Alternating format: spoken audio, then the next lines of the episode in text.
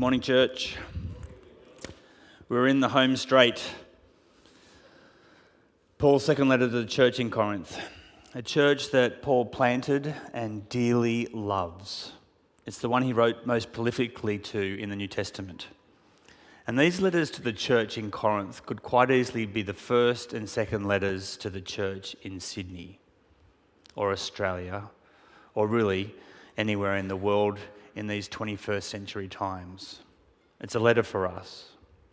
What we've heard so far plan to give, because God loves a cheerful giver. So prayerfully, privately, purposefully, and proportionately give. Don't fall for the teaching of impressive false teachers. Keep the gospel pure and simple. Don't add to the gospel, don't subtract from the gospel. And when we are weak, God is strong, for God's grace is sufficient. God has put on Paul's heart a real concern for the spiritual well being of the church, and he seeks to maintain his leadership connection.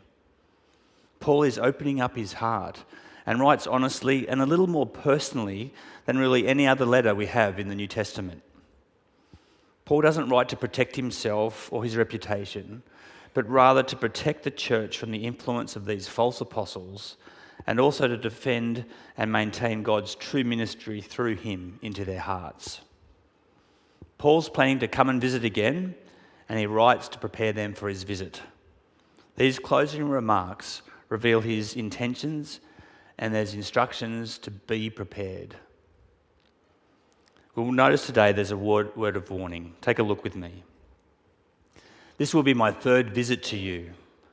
I already gave you a warning when I was with you the second time. I now repeat it while absent. On my return, I will not spare those who sinned earlier or any of the others. Since you are demanding proof that Christ is speaking through me, he is not weak in dealing with you, but is powerful among you. For to be sure, he was crucified in weakness, yet he lives by God's power. Likewise, we are weak in him, yet by God's power, we will live with him in our dealing with you. Paul is warning those who are continuing to live in sin. He says, I've been there two times now. I'm coming again, and I'm writing to those who have sinned before and to all the rest who've become entangled in the same conduct and a lifestyle of sin. Paul's referring to those he mentioned in his first letter and again now in 12, verse 21. I'm afraid and grieved that there are still many who have sinned earlier and have not repented of that impurity, of the impurity, sexual sin, and debauchery in which they have practiced. He's not talking to everyone in the church because we all sin and we all fall short of God's glory.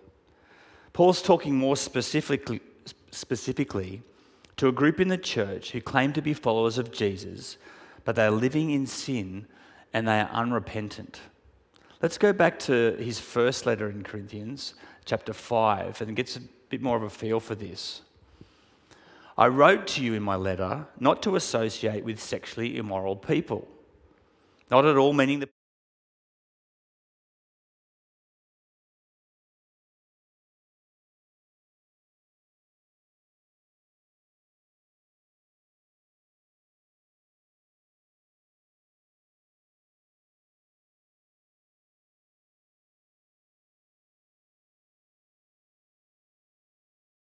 who claims to be a brother or sister, but is sexually immoral or greedy, an idolater, a slanderer, a drunkard, or swindler. Swindler. Do not even eat with such people. What business, business is of mine to judge those outside the church? Are you not to judge those inside? God will judge those outside. Expel the wicked person from you, among you. It's a pretty tough word. Paul is calling out those in the church who have still not turned away from their sin. They've remained worldly, and he warns them to change their conduct to align themselves with God's word. Those who claim Christ, yet who have not repented, And it says that the sins that are engaged in are practiced. And the word here in Greek, prasso, is a Greek word meaning repeatedly or habitually. They keep doing it. So, this is a warning for those living a double life, sinning repeatedly and habitually, who are refusing to change. They aren't grappling with their sin, they're embracing their sin, they're endorsing their sin, and they're even encouraging others to sin. And we're still seeing that happen today throughout the church in the world. Paul says, Listen, I've been gentle so far, even to my detriment. You may think I'm unimpressive because I'm not like those in your face super apostles, but my patience is worn out. I'd rather you get it together, but if you don't repent, I'm going to come down hard. Remember, he's not talking to those who have confessed and acknowledged their sin and received forgiveness. He's not addressing those who recognize their sin and continue to grapple and struggle with it as they seek sanctification through Jesus. Rather, Paul is talking about those in the church who are unrepentant and even seem to identify in their sinfulness. Paul compares himself to how Christ operates. Christ came to the cross in weakness Jesus said himself, I did not come to condemn the world, but I came to save the world. He came in weakness, in humility, and he offered himself as a sacrifice on the cross. But he was raised in power. And the scripture tells us that on his return, he will in fact come with a heavy hand of judgment and righteousness. Until that day, drawn by his love, the appeal from God is that we embrace his mercy. God's not trying to beat us into his kingdom or scare us into his kingdom or drive us into a relationship with him. Rather, he invites us. God mercifully and graciously calls us. And that's true even today. It's easy to have a strong word of exhortation with an emphasis on sin and duty, what we need to stop doing and what we should be doing. And certainly the scriptures give us that clear discernment between right and wrong. And we do often need to be reminded of what God calls sin and what God calls right living. But it's not the only message in the scriptures. Paul's word tells us, Paul tells us that God's word is also good for doctrine, for teaching, God's word is enlightening. And then not only talks about what we must do, but importantly, and most importantly, what God has done for us. This is the message of the gospel, and there needs to be a healthy balance between exhortation and edification. I remember in my early years, I was really keen to share my faith. I still am, but I was pretty full on. And at dinner parties, eventually someone asks, So, Frenchie, what do you do? Or, you know, oh, I'm in ministry or something like that. And I thought that was my window to unleash everything about Christianity. And, and I'd just come out all guns blazing. And I bulldozed my way through and tried to unpack two ways to live, thinking this is my window of opportunity. And uh, I was married, and I'd get this firm push down on my foot under the table, like time to rein it in a bit now. And in my attempt, because I think, think it's loving, like you need to hit the gospel, but uh, in coming on so full on, I was scaring people off or um, not even attuned to the fact that they'd just totally switched off and gone blank. And uh, yeah, so it didn't come across always loving. And so uh, need to rein it in a bit. Of course, God's word does come on strong.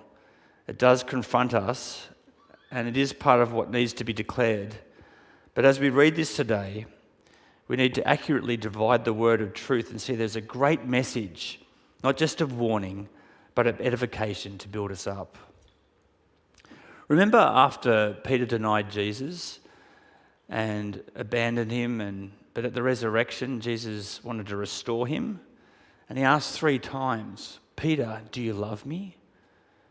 And he, each time Peter said, Yes, Lord, I love you. And Jesus didn't say, now scare my sheep, drive my sheep, straighten my sheep out. No, he said, Feed my sheep. There are seasons when sheep need correction and boundaries. We do need clear direction, but there's also a need for loving and gentle feeding and caring. And Jesus encouraged this ministry. Our responsibility is to receive the gospel, to believe it, and to allow God's love and power to begin to transform and change us. Paul warns those unrepentant, habitually living rebelliously in sin, that he will bring a strong word if they don't turn back to Christ. It's a clear exhortation, although he'd rather not have to have a heavy hand. Look at verse 10. This is why I write these things when I am absent, that when I come, I may not have to be harsh in my use of authority, the authority the Lord gave me for building you up, not for tearing you down. Paul wants to build up, not to tear down. Paul's been patient. And I think this speaks of God's patience and God's grace towards us. Aren't you glad and thankful that God is slow to anger, abounding in love, that his mercies are new every morning? God is patient, but we must not misinterpret his patience for approval, acceptance, or somehow think that sin is no big deal. In Romans 2, we read, Do you show contempt for the riches of his kindness, forbearance, and patience? Not realizing that God's kindness is intended to lead you to repentance. Don't misinterpret, it, misinterpret God's patience. Understand God's character is to give us opportunity to come to repentance. If we continue unrepentant, that does not mean God is approving of our sin.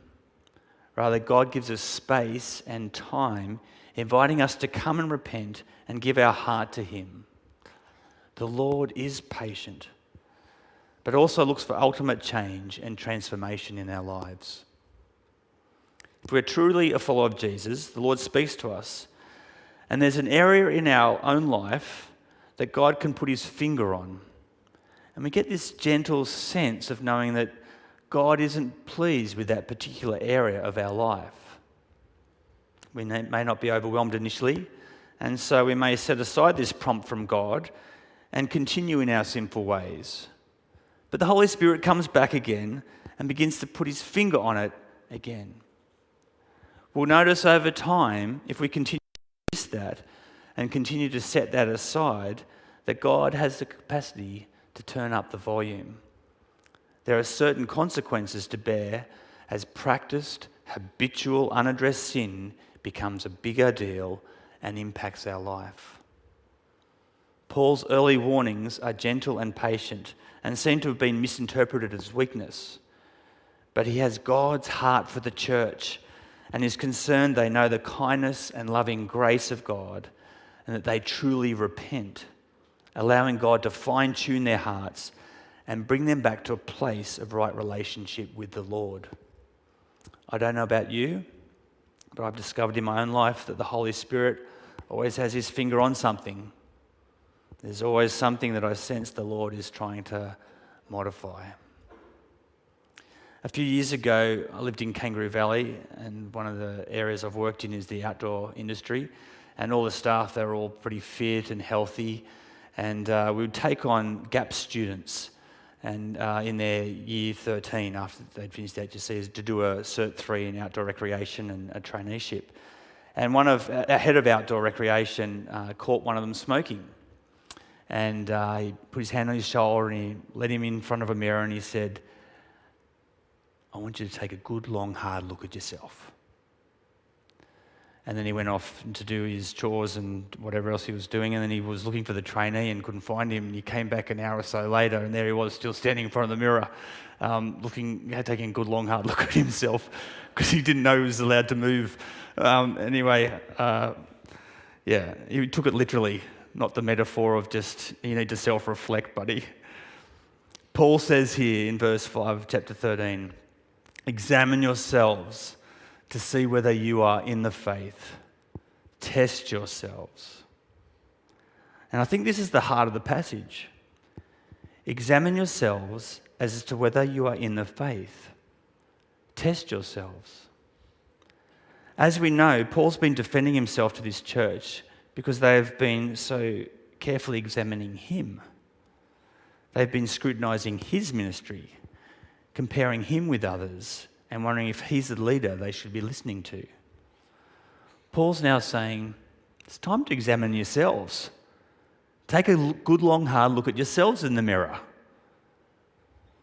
And when we uphold the scriptures, we're holding a mirror up. And what's being reflected back at us?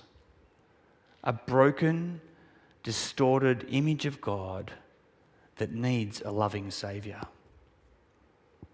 It's easy to examine others. We can have such clarity in the shortcoming of others. Think of the judging crowd ready to throw stones.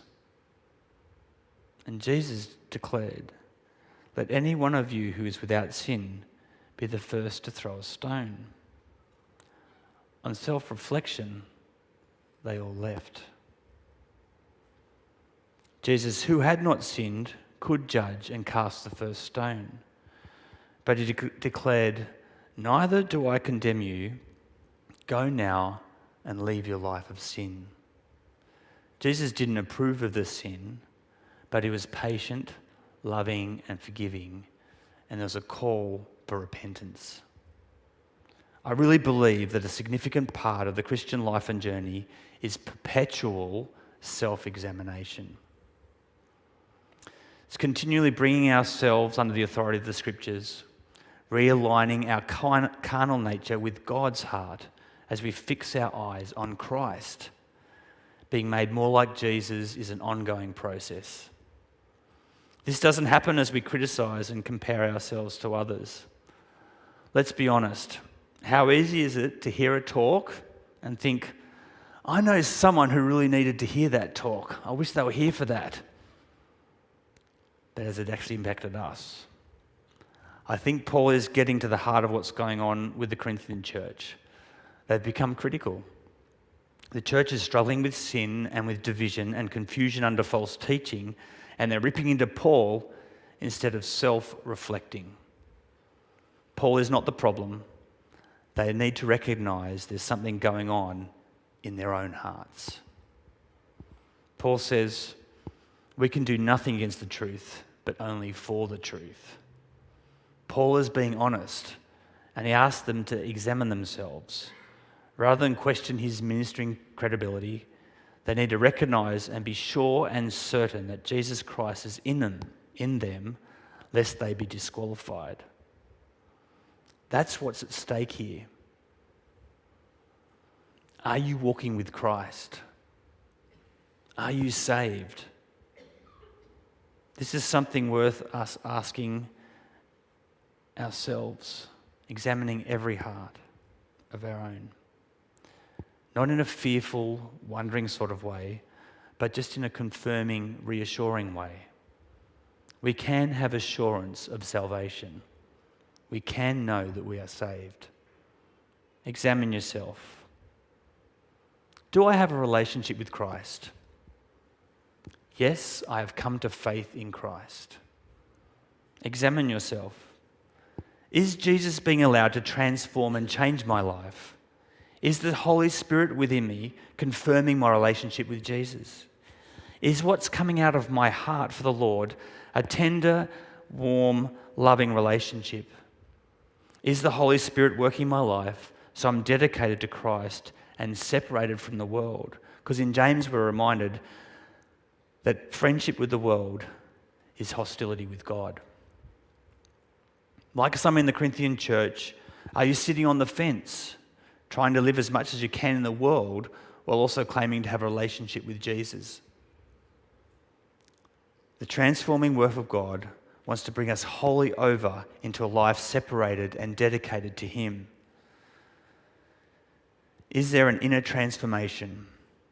Are you seeing evidence of the Holy Spirit working in your life? Love, joy, peace, patience, kindness, gentleness, faithfulness, self control. Church, we need to check our pulse. Do I delight in God's word? Do I draw near in prayer? Do I seek to worship God with all my being? Is there fruit? Is there love for the brethren? Is there a burden for the lost? Because God has a burden for the lost. These are the things that we should be considering in our hearts today and examining ourselves. Like going to the doctor when we know there's something wrong, but we might not like the diagnosis. But you see, our God is not limited in his ability to heal, to change us. He's the great physician if we're truly repentant. Most people are sorry for the things they do, but if that sin is practiced and habitual, they might be sorry, but they still end up going back to it. We need God's limitless love and grace to restore us. Knowing this, as we read earlier in Corinthians, godly sorrow brings repentance that leads to salvation and leaves no regret. But worldly sorrow brings death. In other words, you can be sorry for something, but just keep doing it. Finally, Paul concludes this letter with words of edification. Remember, he wants to build them up, not tear them down. And really, there's a whole other talk here, uh, but I'm actually just going to conclude with these words. I'd love you all to share with me an amen at the end. Brothers and sisters, rejoice. Strive for full restoration. Encourage one another. Be of one mind. Live in peace. And the God of love and peace be with you. All God's people here send their greetings. And may the peace of great May the grace of the Lord Jesus Christ and the love of God and the fellowship of the Holy Spirit be with you all. And the church said, Amen. Amen.